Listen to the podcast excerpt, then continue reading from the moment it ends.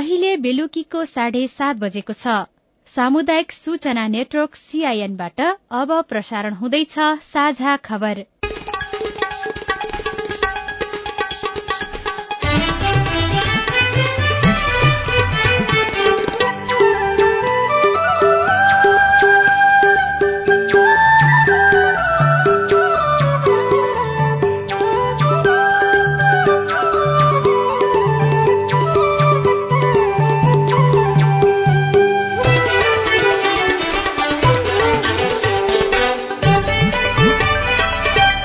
सीआईएनको साझा खबरबाट लील प्रकाश चन्दको नमस्कार। साझा खबर देशभरिका सामुदायिक radio CIN network dot ORG र मोबाइल एप अकोराब सीआईएनमा पनि सुन्न सकिन्छ।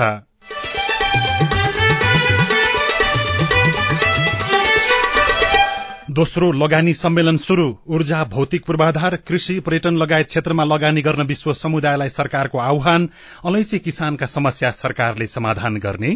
संरक्षण पनि गर्ने भण्डारण पनि गर्ने आवश्यक परिवर्तन त्यसका प्रशोधन पनि गर्ने। त्यो हिसाबबाट प्रदेश सरकार अगाडि बढेको हो। त्यसका लागि हामीले बजेटिङ पनि गरेका छौँ अनुसन्धान गर्नहरूको लागि। सगरमाथाको उचाइ नाप्न शुरू माघभित्र अन्तिम नतिजा। दुई नम्बर प्रदेशको एसईई परीक्षाको प्रश्न पत्र बाहिरिएको बारे सीआईबीद्वारा अनुसन्धान। बदनाम गर्न खोजिएको प्रदेश सरकारको आरोप। प्रदेश दुईलाई बदनाम गराउने सम्बन्धित शिक्षा मन्त्रीका निकायहरू छन् त्यो इमिडिएट चाहिँ नैतिकताको आधारमा राजीनामा दिई प्रदेशका जनतासँग माफी माग्नु पर्छ। प्रदेश सभा एकको विषयगत समितिका सभापति चयन मतदानबाट हुने पाँच थरको कुम्मायकवासी खानेपानी सुविधा पाएपछि खुशी नेपालगंजका मुस्लिम समुदाय ढाका टोपी लगाउँदै संरक्षणको अभियानमा दाउरा सुलवार पनि लगाउँछौँ र सुलवार कुर्ता पनि लगाउँछौँ। त्यो लगाउँदाखेरि एउटा चाहिँ आफूमा गर्व के हुन्छ भने हाम्रो नेपालको यो पोसाक हो र हामी नेपाली हौ। र आठौं राष्ट्रिय खेलकुद प्रतियोगिता वैशाख पाँचबाट हुने राष्ट्रिय महिला भलिबल प्रतियोगिताको उपाधि एपीएफलाई।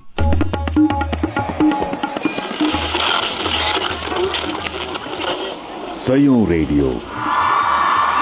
हजारौं रेडियो कर्मी र करोड़ौं नेपालीको माझमा यो हो सामुदायिक सूचना नेटवर्क सीआईएन गरीब घर पहिचान गरी सुविधा दिनका लागि सरकारले तथ्याङ्क संकलन शुरू गरेर आधा भन्दा धेरै काम गरिसक्यो। पश्चिम नेपालमा तथ्याङ्क संकलन गरी पूर्वी नेपालसम्मै सक्ने सरकारको तयारी छ। तर गरीबको सूचीमा पर्न धनीहरूले आँखा लगाएपछि गरीबहरूलाई के आधारमा सुविधा दिने भन्ने अन्यलमा सरकार देखिन्छ। घुसपैठ गर्ने धनीलाई कार्यवाही गरी गरीबको कार्यक्रमलाई निरन्तरता दिने बारे सरकारले ध्यान दिनुपर्छ। अब खबर रिसालबाट। सरकारले ऊर्जा भौतिक पूर्वाधार कृषि पर्यटन लगायत क्षेत्रमा लगानी गर्न विश्वभरका लगानीकर्तालाई आह्वान गरेको छ। आजदेखि काठमाण्डुमा शुरू भएको लगानी सम्मेलनलाई सम्बोधन गर्दै प्रधानमन्त्री केपी शर्मा ओलीले नेपालमा स्थिर सरकारसँगै नीतिगत स्थिरता पनि भएकाले लगानीको राम्रो अवसर रहेको बताउँदै ढुक्क भएर लगानी गर्न विश्व समुदायलाई आग्रह गर्नुभयो। प्रधानमन्त्री ओलीले विभिन्न देशबाट आएका लगानीकर्ताहरूलाई अपार अवसर भएको क्षेत्रमा लगानी गरी नेपालको जनजीवनको स्तर उकास्न सहयोग गर्न पनि आग्रह गर्नुभएको थियो। कार्यक्रममा अर्थमन्त्री डाक्टर युवराज खतिवड़ाले राजनीतिक रूपमा सहज वातावरण बनेको र तीनवटै तहका सरकार समेत गठन भएको उल्लेख गर्दै प्रक्रियागत तथा संस्थागत सुधार एवं अन्य संरचना समेत नयाँ बनाइएकाले पनि नेपाल लगानी योग्य राष्ट्र रहेको बताउनु भएको थियो। नेपालको आर्थिक विकासको आधार ऊर्जा सत्रमा वक्ताहरूले दक्षिण एसियामा विद्युत बजार खोल्न पहिला नेपाल तयार हुनुपर्ने धारणा पनि राखेका थिए। काठमाण्डुमा आजबाट शुरू भएको सम्मेलनमा चालिस देशका छ सय भन्दा बढ़ी लगानीकर्ता सहभागी छन्। सम्मेलनलाई कसरी हेर्न सकिन्छ? हामीले अर्थविज्ञ डाक्टर दिपेन्द्र बहादुर छेत्रीसँग छोटो प्रतिक्रिया लिन खोजेका छौं। उहाँ हाम्रो सम्पर्कमा हुनुहुन्छ। दिपेन्द्र बहादुर छेत्रीज्यू। हजुर। अघिल्लो यो लगानी सम्मेलनहरू भन्दा यसपटकको लगानी सम्मेलन चाहिँ के आधारमा अलिकति फरक छ र नेपालले यसबाट के फाइदा लिन सक्छ होला? यस पटकको उपस्थिति विदेशी तथा स्थानीय लगानी लगानीकर्ताहरूको उपस्थिति सरकारले सम्हाल्नै नसक्ने किसिमबाट उम्लिएको देखिएछ किनभने देशकै उद्योग मन्त्रीले ठाउँ पाउनु भएन भन्ने भएपछि उपस्थिति चाहिँ असाध्यै आशा गरे भन्दा पनि बढ्ता भएछ भन्ने कुरो एउटा मान्नु पर्यो अनि दोस्रो कुरो सम्मान्य प्रधानमन्त्रीले नेपालमा कुनै पनि किसिमको तपाईँहरूले शङ्का गर्नुपर्ने गर्नुपर्ने केही पनि खण्ड छैन। लगानी गर्नुहोस् भनेर खुला दिलले आह्वान गर्नुभयो र कतिपय सेसनलाई अध्यक्षता गरिरहेका मन्त्रीहरूले हामीले कानुनी प्रावधानहरू प्रशासकीय सबै सुविधाहरू मिलाइसकेका छौँ। त्यस कारणले खास गरेर यो ऊर्जा क्षेत्रमा आइदिनु भयो भनेदेखि तपाईँहरूले चाहिँ चाहेको जस्तै किसिमको मुनाफा र वातावरण पाउन सक्नुहुन्छ भन्ने जे कुरा आइरहेछन् ती सकारात्मकै देखिन्छन्। र विगतमा पनि यस्ता कुराहरू त नहुने होइनन् है? आउने बेलामा त चाडबाड यसो त्यसोमा नराम्रा कुराहरू त हुँदैनन्।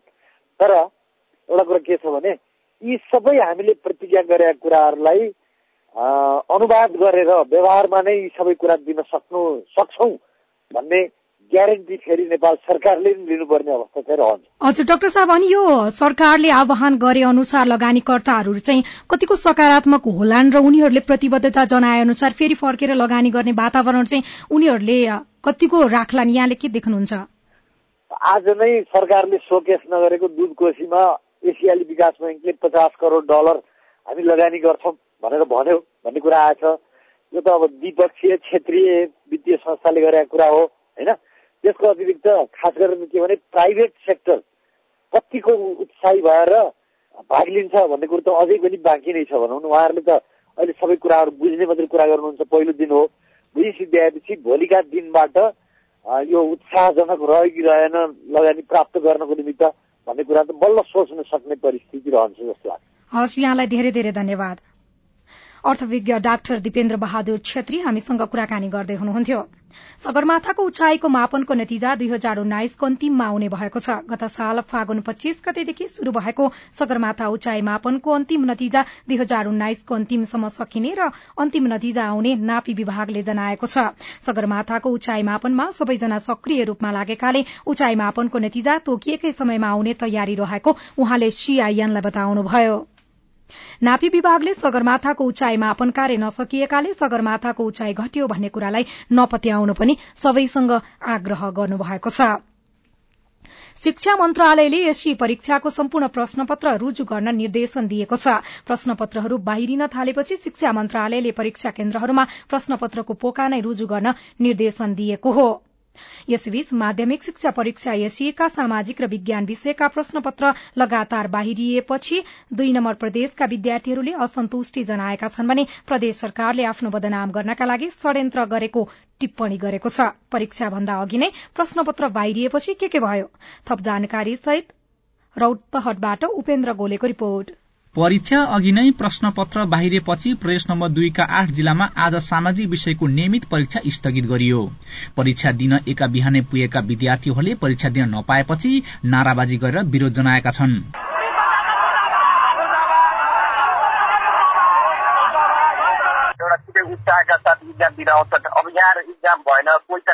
हिजो पनि विज्ञान विषयको प्रश्नपत्र परीक्षा अघि बाहिरिएपछि परीक्षा रद्द गरिएको थियो।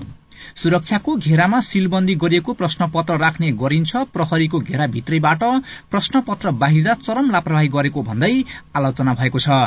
रौतहटका एकजना प्राध्यापक घनश्याम सुन्दर श्रेष्ठ। क्वेसन आउट भएको छ यो कुनै चान्चुने व्यक्तिको होइन। यसमा ठुलै मान्छेको हात हुन सक्छ र एकजना व्यक्तिको लहरले यो सिङ्गो विद्यार्थीको यो दस वर्षको उपलब्धि नै गुम्ने र बच्चाहरूको मानसिक तनावमा बस्नुपर्ने गल्ती गर्ने एकजनाले र समस्या भोग्नु पर्ने सबैले हुँदाखेरि त्यस्तै भोलि हाम्रो बालबालिकाको सीमा नकारात्मक असर पनि पर्छ। तुरन्त कारवाही गरी परीक्षालाई चुस्त र दुरुस्त राख्नु अति नै आवश्यक छ र यो हाम्रो केन्द्र सरकार प्लस साथै प्रादेशिक सरकारले पनि यसमा अहम भूमिका प्रश्नपत्र बाहिरको बारेमा छानबिन गर्ने जिम्मा नेपाल प्रहरीको केन्द्रीय अनुसन्धान ब्यूरो सीआईबीलाई दिने निर्णय संघीय सरकारको शिक्षा विज्ञान तथा प्रविधि मन्त्रालय गरेको छ। प्रदेश नम्बर दुई सरकारले भने संघीय सरकार मातहतका निकायबाट प्रश्नपत्र बाहिरको दावी गरेको छ। मधेस जनआवाज एफएमसँग कुराकानी गर्दै मुख्यमन्त्री लालबाबु राउत। प्रदेश दुईलाई बदनाम गराउने सम्बन्धित शिक्षा मन्त्रीका जुन निकायहरू छन्। त्यो इमिडिएट चाहिँ नैतिकताको आधारमा राजीनामा दिई प्रदेशका जनतासँग माफी माग्नु पर्छ चाहे त्यो बोर्डबाट चाहिँ बाहिर आओस् चाहे प्रहरी प्रशासनबाट आओस्। रद्द भएको विज्ञान विषयको परीक्षा चैत्र बाइस गतेका दिन तय गरिएको छ भने सामाजिक विषयको मिति भने तय हुन सकेको छैन। प्रदेश नम्बर दुईका सबै विषयको प्रश्नपत्र बाहिरिएको हो वा होइन त्यसबारे अनुसन्धान गरी प्रतिवेदन बुझाउन पनि शिक्षा मन्त्रालय भनेको छ। उपेन्द्र गोले सीआईएन रेडियो चन्द्रपुर रौतहट यसैबीच सरकारले माध्यमिक शिक्षा परीक्षा एसी परीक्षामा भएको अनियमितताको छानबिन गर्ने जिम्मेवारी नेपाल प्रहरीको केन्द्रीय अनुसन्धान ब्यूरो सीआईबीलाई दिने निर्णय पनि गरेको छ। यस्तै माध्यमिक शिक्षा परीक्षा एसीको भोलि हुने स्वास्थ्य तथा जनसंख्या शिक्षा विषयको प्रश्नपत्र पनि बाहिरिएको छ। प्रदेश नम्बर दुई अन्तर्गत सञ्चालन हुने परीक्षाका लागि तयार भएको प्रश्नपत्र परीक्षा सञ्चालन हुने दिनभन्दा अगाडि नै बाहिरिएको सामुदायिक रेडियोहरूले खबर पठाएका छन्। साझा खबरमा अब खेल खबर। प्रदेश नम्बर पाँचमा हुने आठौं राष्ट्रिय खेलकुद प्रतियोगिता वैशाखमा हुने भएको छ। राष्ट्रिय खेलकुद परिषद राखेपको बोर्ड बैठकले वैशाख पाँचदेखि एघार गतेसम्म नेपालगंजमा गर्ने मिति तय गरेको हो। यसअघि चैत महिनामा नै गर्ने भनिएको आठौं राष्ट्रिय खेलकुद प्रतियोगिता सरेर वैशाखमा पुगेको हो। र महानिरीक्षक कब महिला राष्ट्रिय भलिबल प्रतियोगिताको उपाधि आयोजक सशस्त्र प्रहरीको एपीएफ क्लबले जितेको छ। आज हलचौक स्थित सशस्त्र प्रहरीको मुख्यालयमा भएको फाइनल खेलमा न्यू डायमण्ड एकाडेमीलाई तीन शून्यको सोझो सेटमा हराउँदै सशस्त्रले उपाधि जितेको हो।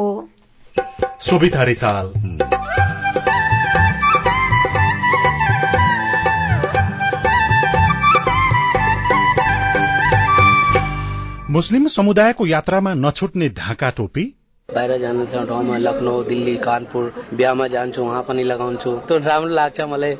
साम्प्रदायिक सद्भावको आधार रेडियो रिपोर्टसँगै कालीकोटमा औषधिको अभाव। सोलुखुम्बुका दलित युवा परम्परागत पेसा जोगाउँदै प्रदेश खबर विशेष लगायतका सामग्री बाँकी नै छन्। सीआईएनको साझा खबर सुन्दै गर्नुहोला। आफ्नो परिवारसँग बसी शिक्षा आर्जन गरी हुर्कन पाउनु प्रत्येक बाल बालिकाको नैसर्गिक अधिकार हो।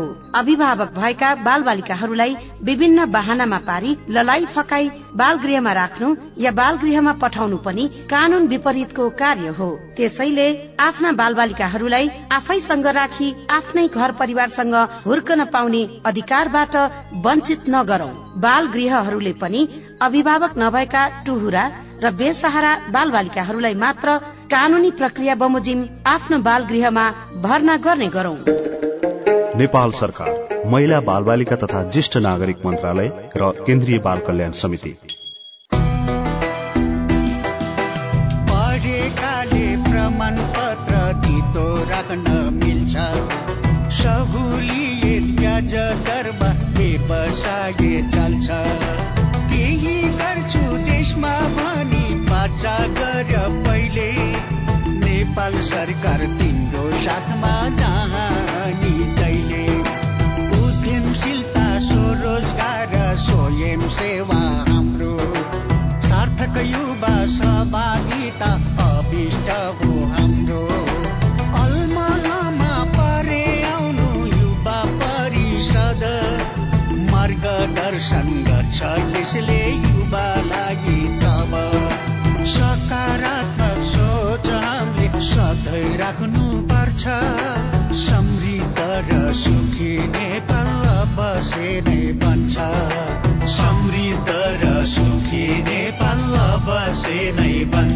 राष्ट्रिय युवा परिषद नेपाल। सामाजिक रूपान्तरणका लागि यो हो सामुदायिक सूचना नेटवर्क सीआईएन तपाई सामुदायिक सूचना नेटवर्क सीआईएन ले काठमाडौँमा तयार पारेको साझा खबर सुन्दै हुनुहुन्छ। चिकित्सक श्रीमानको कुटाईबाट गम्भीर घाइते महिलाको उपचारको क्रममा निधन भएको छ। वीरगंज महानगरपालिका वडा नम्बर बीस स्थित हरपतगंजकी पैंतालिस वर्षीय सुनिता यादवको शिक्षण अस्पतालमा उपचारको क्रममा आज निधन भएको हो। सुनिता नारायणी अस्पतालमा कार्यरत मधुमेह तथा थाइराइड रोग विशेषज्ञ डाक्टर सचितानन्द यादवको जेठी श्रीमती हुनुहुन्छ। उहाँलाई यादवले निर्घात कुटपिट गरेको आरोप माइती पक्षले लगाएको छ। जिल्ला प्रशासन कार्यालय गुल्मीले गाउँ गाउँमा नागरिकता वितरण शुरू गरेको छ। आफ्नै आँगनमा नागरिकता पाएसँगै विकट र विपन्न नागरिकले राज्यको अनुभूति गर्न पाएको बताएका छन्। कालीगण्डकी गाउँपालिका छ खड्ग कोटका रामबहादुर विकले गाउँमै नागरिकता पाएपछि खुशी लागेको बताउनुभयो। कालीगण्डकी र चन्द्रकोट गाउँपालिकामा कुल पाँच सय सैतिस महिला र तीन सय एकहत्तर पुरूष गरी कुल आठ सय अडसठी जनाले नागरिकता पाएका छन् भने छ सय त्रिचालिस जनाले मतदाता परिचय पत्र लिएका रेडियो स्काई गुल्मीले खबर पठाएको छ। जिल्ला अस्पताल कालीकोटमा औषधिको अभाव भएको छ। एक महिनादेखि फार्मेसीमा हुनुपर्ने औषधि नहुँदा बिरामी निजी मेडिकलहरूमा चर्को मूल्यमा औषधि किन्न बाध्य भएका छन्। अस्पतालमा औषधि अभाव हुँदा अस्पताल नजिकैका निजी मेडिकलहरूबाट महँगो मूल्यमा औषधि किन्नु पर्दा बिरामीहरू मर्कामा परेका हुन्। औषधिको अभाव हुँदा अस्पताल बाहिरका निजी मेडिकलहरूबाट खरिद गरी बिरामीलाई दिनु परेको अस्पतालमा संचालित फार्मेसीमा कार्यरत पुष्कर शाहीको भनाई उद्धृत गर्दै रेडियो चंखेली कालीकोटले जनाएको छ। मुस्लिम समुदायसँग नेपाली ढाका टोपीको साइनो छ। नेपालमा ढाका टोपी लगाउने चलनको शुरूआत पन्ध्रौं शताब्दीतिर भएको मानिन्छ अनि पन्ध्रौं शताब्दीमै राजा रत्नमल्लका पालामा कश्मीरबाट मुसलमानहरू नेपाल आएका हुन्। मुस्लिम समुदाय ढाका टोपी र ढाका टोपी प्रति उनीहरूको मोहबारे रेडियो सद्भाव नेपालगंजबाट निशु जोशीको रिपोर्ट। मुस्लिम समुदायले आयोजना गरेको एउटा कार्यक्रममा भेटिनुभएका नेपालगंज धम्बोजीका युवा मोहम्मद जमेल हलवाई कुर्ता पैजवासँगै ढाका टोपीमा चिटिक्क सजिनु भएको छ। तीन वर्षदेखि हलवाईले ढाका टोपी लगाउँदै आउनु भएको हो। आफ्नो पहिचानका लागि ढाका टोपी लगाउने गरेको उहाँ बताउनुहुन्छ। इन्डिया जान्छु त्यहाँ पनि लगाउँछु। बाहिर जान्छ ठाउँमा लखनऊ दिल्ली कानपुर बिहामा जान्छु उहाँ पनि लगाउँछु। त्यो राम्रो लाग्छ मलाई। अनि गर्व हुन्छ कि मेरो नेपालको सानो पहिचान हो। नेपाली टोपीको कुरा गर्ने बित्तिकै मदरुद्दिन मियालाई इराकमा भएको एउटा घटनाको याद आउँछ। इराक मुस्लिम देश हो। तर ढाका टोपी लगाएकै कारण त्यहाँ पुगेका नेपालीले आफूलाई नेपाली भनेर चिनेको खुशी हुँदै सम्झनुभयो। छ महिना अगाडि इराक गएको थिएँ। त्यति बेला मैले नेपाली ढाका टोपी नै लगाएर यहाँबाट गएँ। पुरा इराक चाहिँ घुमेँ म तर त्यो टोपी मैले कहिले निकालेँ त्यहाँको मान्छेले त खास केही भनेन तर नेपालबाटै गएकाहरू एयरपोर्टतिर कतै कतै भेटिँदाखेरि मसँग भेट्न आए। अनि उनीहरू मसँग आएर तपाईँको घर कहाँ हो के हो कहिले आउनु भएको के कामले आउनु भएको यी सबै कुराहरू मैले त्यहाँ सेयर गर्न पाएँ। त्यही ढाका टोपीले गर्दा। शारजा एयरपोर्टमा चाहिँ छँदाखेरि चेलीहरू चाहिँ त्यहाँ भेटिए। उनीहरू त्यहाँ एयरपोर्ट भित्रै चाहिँ सर्भिस गर्दा रहेछन्। नेपालगंजका मुस्लिम समुदायले टोपीलाई नेपाली पहिचानसँग जोडेर हेर्ने गरेका छन्। त्यसैले यहाँका मुस्लिम समुदायले ढाका टोपीलाई महत्व दिएका हुन्। कार्यक्रम समारोह र पार्टीमा मात्र नभई घर पसल तथा बाहिरी देश जाँदा पनि उनीहरूको शिरमा ढाका टोपी छुट्दैन। मोहम्मद अरफान खान। कुनै सहकारीको कार्यक्रममा जाँदाखेरि उनको साधारण सभा हुन्छ तर अन्य कार्यक्रममा पनि जाँदाखेरि दाउरा सुलवार पनि लगाउँछौँ र सुलवार कुर्ता पनि लगाउँछौँ। त्यो लगाउँदाखेरि एउटा चाहिँ आफूमा गर्व के हुन्छ भने हाम्रो नेपालको यो पोसाक हो र हामी नेपाली हौ। त्यो टोपी भनेको त राष्ट्रिय चिन्ह नै भइगयो। हाम्रो फोटो चाहिँ जसले पनि हेर्छ त्यो टोपीले चिनाउँछ कि नेपाली जनता हो। पाका उमेर समूहका मुस्लिम समुदायले पहिले पनि ढाका टोपी लगाउने गरेका थिए तर यो क्रम पहिले भन्दा अहिले बढ्दो छ। ढाका टोपी लगाउनै पर्ने खास धार्मिक कारण त छैन। तर टाउको खुल्लै छोड्नु हुँदैन भन्ने इस्लाम धर्ममा उल्लेख गरिएको उनीहरू बताउँछन्। पूजापाठ गर्दा वा शुभ साइत गर्दा इस्लाम धर्मावलम्बीहरूले शिर छोप्ने गर्छन्। मस्जिदमा नमाज पढ्दा र कुनै शुभ कार्य गर्दा इस्लाम धर्मावलम्बीहरूले आफ्नो पहिचान ढाका टोपीको प्रयोग बढाउँदै लगेका छन्। मदरुद्दिन मिया। हाम्रो धार्मिक हिसाबले पनि यो चाहिँ खाली चाहिँ टाउको नराख्ने भन्ने कुरो छ। टाउको जति बेला पनि ढक्दाखेरि त्यो टाउको सुरक्षित को हावा अथवा त्यसले सूर्यको प्रकाश कुनै चिजले पनि असर नगर्ने भएको हुनाले यो एउटा धार्मिक हिसाबले वैज्ञानिक तौर तरिकाबाट नै प्राय चाहिँ टोपी लगाउने कारण त्यही हो। एघारौंदेखि तेह्रौं शताब्दीको बीचमा बंगलादेशको ढाकाबाट नेपालमा सेन वंश प्रवेश भएको इतिहास छ।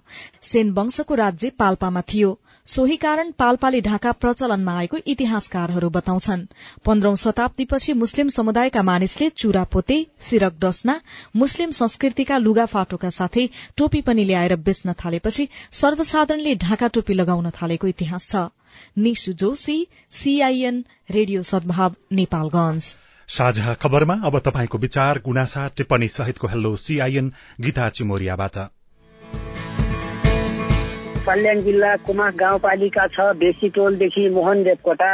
सरकारलाई जनताहरूको एउटा निवेदन आइरहेको छ बाँदर नियन्त्रण गरी पाऊ भनेर गाउँघरमा बाँदरहरूको बिगबिगी अत्यधिक तरिकाले बढ्दै गइरहेको छ। यस बारेमा सरकारले के सोचिरहेको छ?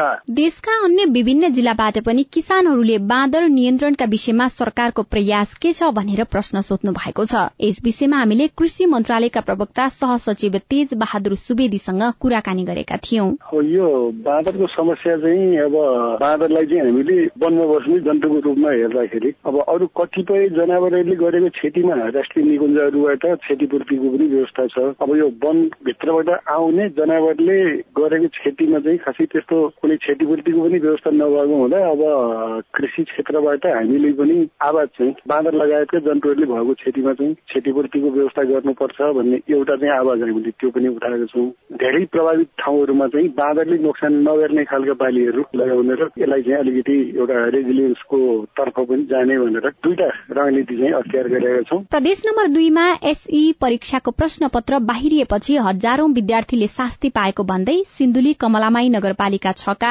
इन्द्र केसी सम्बन्धित अधिकारीलाई हदैसम्मको कार्यवाहीको माग गर्नुहुन्छ। यो क्वेसन आवर भएको विषयमा चाहिँ त्यहाँका सुरक्षाकर्मी र त्यहाँका चाहिँ टिचर र जिल्ला शिक्षाका अधिकारीहरू सबैलाई हदैसम्म चाहिँ कानून भन्ने कडा कारवाही गर्नु पर्यो भन्ने मेरो चाहिँ माग छ। तपाई जुनसुकै बेला हाम्रो फोन नम्बर शून्य एक बाहन्न साठी छ चार छमा फोन गरेर आफ्ना प्रश्न रेकर्ड गर्न सक्नुहुनेछ। तपाई सामुदायिक सूचना नेटवर्क सीआईएनले काठमाडौँमा तयार पारेको साझा खबर सुन्दै हुनुहुन्छ। एक नम्बर प्रदेशको वन उद्योग र पर्यटन अनि सरकारको योजना प्रोत्साहित गर्नलाई हामीले मार्केटिङ पनि गर्ने मार्केट पनि खोज्ने उद्योगलाई घाटा पनि जान नदिने उद्योगको व्यापार पनि बढाउन सक्ने भन्ने किसिमबाट कन्सेप्ट हामी प्रदेश सरकारले लिएका छौँ। प्रदेश खबर विशेष लगायतका सामग्री बाँकी नै छन्। सीआईएनको साझा खबर सुन्दै गर्नुहोला। म पृथ्वी शुभ गुरुङ गण्डकी प्रदेशको मुख्यमन्त्री। बाल विवाह नेपाली समाजको लागि अभिशाप हो। बाल विवाहका कारणले बाल बालिकाको शिक्षामा स्वास्थ्यमा आर्थिक विकासमा समस्या पैदा हुन्छ बाधा अवरोध सिर्जना हुन्छ। त्यस कारणले समाजबाट बाल विवाहलाई अन्त्य गर्नको लागि गण्डकी प्रदेश सरकारको मुख्यमन्त्रीको हैसियतले म प्रतिबद्ध छु। यस सम्बन्धमा जनचेतना अभियान सञ्चालन गर्ने कुरा ऐन कानूनहरू बनाउने कुरोमा म प्रतिबद्ध छु। यो समाजबाट व्यावहारिक रूपमै बाल विवाहको अन्त्यको लागि लागिरहने प्रतिबद्ध व्यक्त गर्न चाहन्छु। सर्वोत्कृष्ट डिस होमको उत्कृष्ट पिक्चर बेस्ट टेक्नोलोजी चाहिएको छ देशभर। लाखौँ नेपालीले लगाइसके घर घरमा झुमेका छन् गाउँ सहर खुसीको लहरमा। डिस होम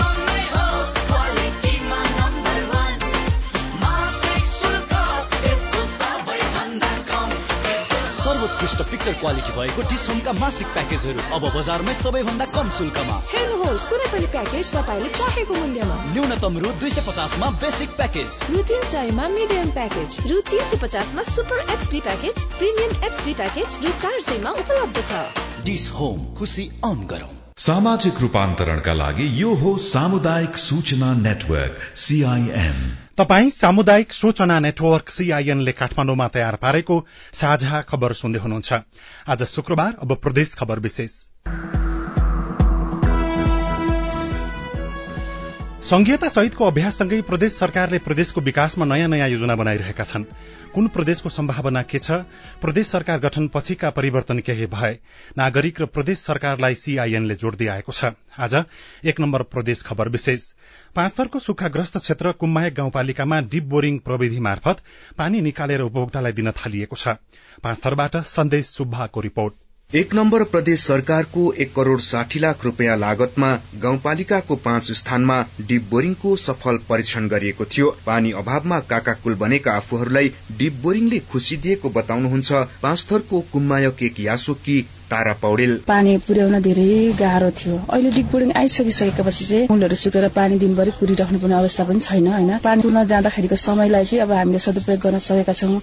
बच्चाहरूलाई पढ्न सिकाउन ओर्न टाइम फुर्सद भएको छ फारू गरेर चलाइरहेका छौँ। धेरै सहज छ अहिले चाहिँ हामीलाई पाँच मध्ये तीन स्थानबाट पानी वितरण गर्न शुरू गरिएको छ। अब पहिले जस्तो रातको एक बजेदेखि नै पानीको जुहोमा लाग्नुपर्ने बाध्यता हटेको छ। कुम्मायक चार रानी गाउँकी शर्मिला लिम्बू? पहिला हामीलाई पनि जानु पर्थ्यो दुई बजी एक बजी लगभग कुनै एक बजी दुई बजी बस्छ। पाल पाल गर्दा कुवा पनि अब सबै एकैपटक झोतिँदाखेरि पानी पाउँदैन थियो। पाल पालो गर्दै रुँगिराख्नु पर्थ्यो रुँगेर अब एक दुई तिन घण्टा बस्नु पर्थ्यो बिहान गएर। घण्टौं लाग्ने बाटो हिँडेर पानी लिन जानु पर्दा विद्यार्थीहरू समयमै विद्यालय नआउने समस्या पनि अब हट्ने अपेक्षा गरिएको छ। स्थानीय सिद्ध माविका प्रधानाध्यापक नरेन्द्र सम्भाम्फे। विद्यार्थीहरू पनि पानी लिनको निमित्त धेरै टाढा टाढा जानु पर्थ्यो। त्यसले विद्यालयमा असर गरेर समयमै दस बजे नै स्कुल नआउने एउटा जुन समस्या थियो त्यो पनि केही हदसम्म समाधान भएको छ डिप बोरिङ परीक्षण गरिएको मल्लीडे उत्तिसे र गोले डाँडाबाट पानी वितरण शुरू गरिएको हो। रानीगाउँ र बिजुवा पानीबाट भने पानी वितरण हुन बाँकी छ। डिप बोरिङ खानेपानी व्यवस्थापन समितिका अध्यक्ष मेघराज निरौला। पालिकाले पन्ध्र लाख रुपियाँ चाहिँ बिजुली व्यवस्थापन घेरा बाह्र भनेर पन्ध्र लाख रुपियाँ दिएको थियो। त्यसले हामी अहिले काम गरिराखेका छौँ काम सम्पन्न भइसकेका छैन धेरै काम सम्पन्न भइसक्यो अलिकति बाँकी छ। र थप तपाईँको पाइपहरूको व्यवस्थापन नपुगेको हुनाले हामीले पालिकालाई फेरि अनुरोध गरेर के गरेर हामीले लगभग लगभग नौ हजार तीन सय मिटर पाइप ल्याएर गाउँ गाउँमा सकेसम्म सबैलाई पानी वितरण गर्ने गरी कुमायक गाउँपालिकालाई नेपाल सरकारले दुई हजार छैसठी सालमा सुक्खाग्रस्त क्षेत्र घोषणा गरेको थियो। खानेपानी व्यवस्थापनका अरू योजना बारे कुमायक गाउँपालिकाका अध्यक्ष जय बहादुर चेम्जुङ भन्नुहुन्छ। दीर्घकालीन रूपमा यो कुमायक गाउँपालिकामा खानेपानीको समाधान भनेको त्यही तम्बुर लिफ्ट खानेपानी आयोजना नै हो। अल्पकालीन रूपमा गाउँपालिका मार्फत प्रत्येक वार्डहरूमा खानेपानीको आपूर्ति ट्याङ्कर र ट्र्याक्टर डिप बोर्डिङहरू नै हो। र अन्य अझ खानेपानी व्यवस्था कताबाट सहज हुन्छ अब त्यो त्यसतर्फ हामी सोच पुर्याउने नै छौं। पानीको खडेरीका कारण कुमायक गाउँपालिकामा घरबारी छोडेर जानेहरूको संख्या समेत धेरै छ। गाउँपालिकाका अनुसार यहाँका करिब एक सय पचास घर खाली छाडेर परिवारका सदस्य अन्यत्रै सरेको अनुमान गरिएको छ। सन्देश सुब्बा सीआईएन सुम्हालुङ एफएम पाँच थर धनकुटा। धनकुटाको छ थर जोरपाटी गाउँपालिकाका मजुवा र नामजाङका किसानले तरकारी उत्पादनबाट राम्रो आमदानी गरिरहेका छन्। बेमौसमको समयमा पनि हरिया तरकारी फलाउने किसानको जाँगर लोभलाग्दो छ। विदुर खवासको रिपोर्ट। मजुवा र नामजाङ गाउँ आलु बन्दाकोपी र काउली उत्पादनका लागि प्रख्यात छ। अहिले किसानका बारीमा रायोको साग र मटरकोसा पनि उत्तिकै छ। बेमौसममा पनि रायोको साग र मटरकोसा बिक्रीबाट किसानहरूले मनग्गे आमदामी गरिरहेका छन्। खडेरी र सुक्खाको यो मौसममा लहलाउँदो राएको साग र मटरकोसाले बारी नै हराभरा भएको छ। नामजाङ र मजुवा क्षेत्रका करिब दुई सय पचास किसान परिवारले हिउँद महिनामा साग बेच्ने गरेका छन् जसका कारण सरदर एक लाख रुपियाँसम्म आमदामी हुने बताउँछन्। पछिल्लो समयमा विभिन्न सहकारी र बीमक कम्पनी मार्फत कृषि उपजको बीमा हुन थालेपछि किसान झन उत्साहित भएका छन्। छतर जोरपाटी गाउँपालिका वडा नम्बर छका किसान गंगामाया विष्ट।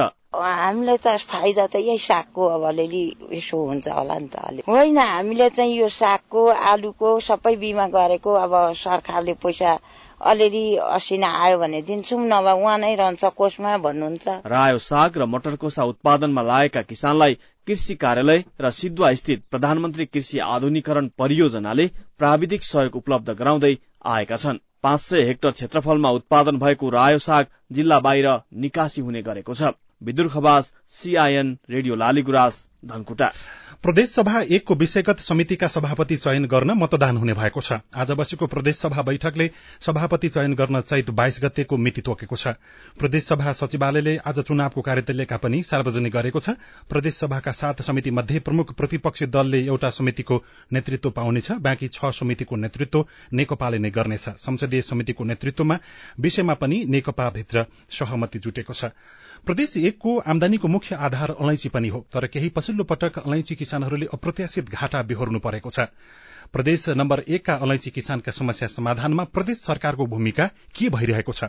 प्रदेश एकका उद्योग पर्यटन वन तथा वातावरण मन्त्री जगदीश कुशियतलाई साथी सोभिता रिसालले सोध्नु भएको छ।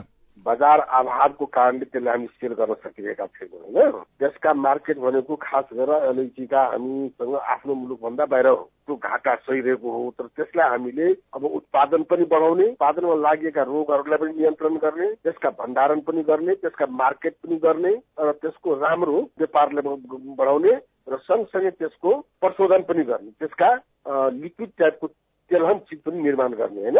त्योतिर हामीले आफू उन्मुख भएका छौँ। टेकबहादुर केप्साकी मगर? म हजुर हजुर हजुर टेकबहादुर। यो क्षेत्र लालीगुराँस नगरपालिकाभित्र र तेह्रथुम जिल्लाभित्र अलैँची कृषकहरूलाई चाहिँ गुणस्तर जातका चाहिँ अलैँची बेर्ना चाहिँ फल्ने ग्यारेन्टीका साथ मैले उत्पादन गर्दैछु। अलैँची किसानहरू त निराशै हुनुपर्ने अवस्था अहिले आएर भएको छ। उहाँहरूलाई निराशा नहुनको लागि चाहिँ प्रदेश सरकारले आश्वासन मात्रै होइन कि विश्वासै के दिलाउनुहुन्छ? एकदम सुविधाजी हामीले विश्वास दिलाउन चाहन्छौ। के हो भने अहिले अलैँची खेतीमा उत्पादन पनि घटिएको छ। पहिलो कुरो। अब उत्पादन घटिएको कारण के हो भने त्यो विभिन्न किसिमका रोग व्याधि र त्यस समार सुसारमा भएको कारण पनि हो। त्यसलाई पनि हामीले अध्ययन गर्दैछौँ। त्यसको मार्केटिङ पनि हामी दिने त्यसका संरक्षण पनि गर्ने भण्डारण पनि गर्ने आवश्यक भने त्यसका प्रशोधन पनि गर्ने। त्यो हिसाबबाट प्रदेश सरकार अगाडि बढेको हो।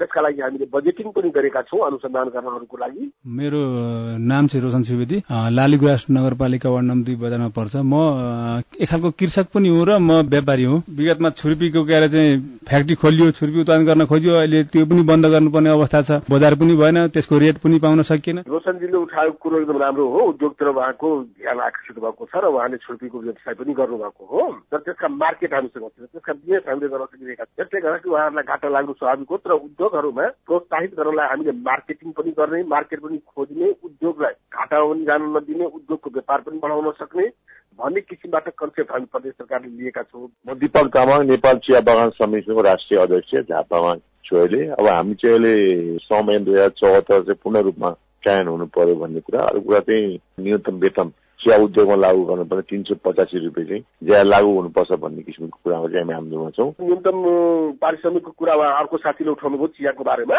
अब त्यसको बारेमा हामीले सर्वे गरिरहेका छौँ सबै कुरो अध्ययन गर्न लगाएका छौँ त्यो सबै बुझिसकेर प्रदेश सरकारको स्तरबाट हामीले त्यसको पारिश्रमिकहरू तय गर्ने कुराहरू गर्दैछौँ। दोस्रो लगानी सम्मेलन आजबाट शुरू भयो। ऊर्जा भौतिक पूर्वाधार कृषि पर्यटन लगायत क्षेत्रमा लगानी गर्न विश्व समुदायलाई सरकारले आह्वान गरेको छ। माघ महिनाभित्र सगरमाथाको उचाइ कति छ थाहा हुने भयो। दुई नम्बर प्रदेशको एसई परीक्षाको प्रश्नपत्र बाहिरिएको बारे सीआईबीले अध्ययन शुरू गरेको छ। बदनाम गर्न खोजिएको दुई नम्बर प्रदेशका मुख्यमन्त्री लालबाबु राउतले बताउनुभयो। प्रदेश सभा एकको विषयगत समितिका सभापति चयन मतदानबाट हुने भएको छ। पाँच थरको कुम्मायकवासी खानेपानी सुविधा पाएपछि खुशी भएका छन् र आठौं राष्ट्रिय खेलकुद प्रतियोगिता वैशाख पाँच गतेबाट शुरू हुने भएको छ। हवस् त आजलाई साझा खबरको समय सकियो। प्राविधिक साथी सुनिल राज भारतलाई धन्यवाद। भोलि चैत सोह्र गते बिहान छ बजेको साझा खबरमा फेरि भेटौँला। अहिलेलाई भने म लील प्रकाश चन्द पनि बिदा हुन्छु। नमस्कार शुभरात्री।